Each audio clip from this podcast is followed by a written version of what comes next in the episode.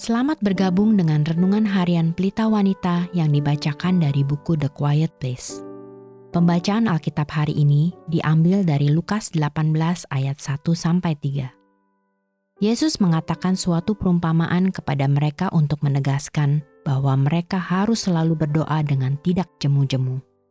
Katanya, dalam sebuah kota ada seorang hakim yang tidak takut akan Allah dan tidak menghormati seorang pun dan di kota itu ada seorang janda yang selalu datang kepada hakim itu dan berkata, Belalah hakku terhadap lawanku. Ayat kunci hari ini adalah dari Lukas 18 ayat 1. Yesus mengatakan suatu perumpamaan kepada mereka untuk menegaskan bahwa mereka harus selalu berdoa dengan tidak jemu-jemu. Berdoalah untuk sebuah perubahan. Seorang wanita yang sudah bertahun-tahun lamanya tidak saya jumpai menghampiri saya di sebuah pesta pernikahan dan berkata, "Anda telah menyelamatkan pernikahan saya." Dia mengingatkan saya bahwa dia dulu pernah menceritakan kepada saya tentang kekhawatirannya sehubungan dengan kondisi spiritual suaminya, dan saya telah menasihati dia.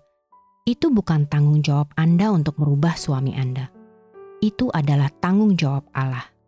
Beritahu suami Anda apa yang ada di dalam hati Anda, lalu mundur dan biarkan Allah yang menyelesaikannya. Selama 16 tahun lamanya, wanita itu telah berdoa dan menunggu, melihat sedikit sekali bukti bahwa Allah telah mendengar atau menjawab doanya. Meskipun suaminya mengaku sebagai seorang Kristen, tidak ada buah atau bukti untuk menunjukkan bahwa dia memiliki hubungan yang sejati dengan Tuhan.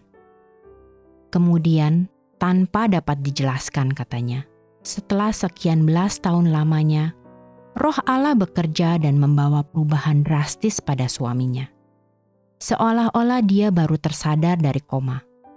Tiba-tiba, suaminya tidak pernah merasa cukup mendapatkan firman dia mulai memiliki buku catatan untuk mencatat apa yang dia dapatkan dari bacaan Alkitabnya. Dia bahkan berbicara tentang keinginannya untuk menjual bisnisnya untuk mencurahkan lebih banyak waktu untuk pelayanan. Dulu, wanita ini berkata, "Saya hampir tidak dapat menyuruh dia bangun untuk sarapan."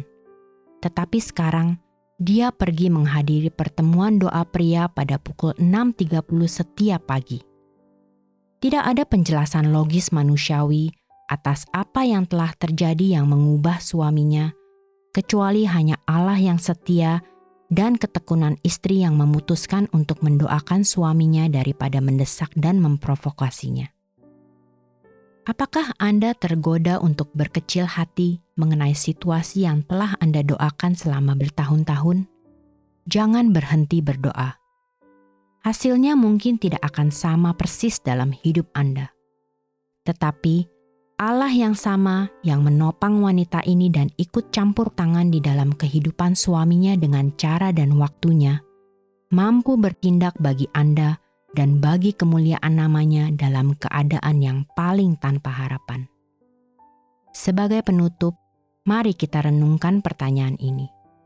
Siapa yang paling Anda khawatirkan dalam hidup Anda di dalam hal kerinduan dan keterbukaan kerohanian mereka? Seberapa serius Anda telah mendoakan mereka?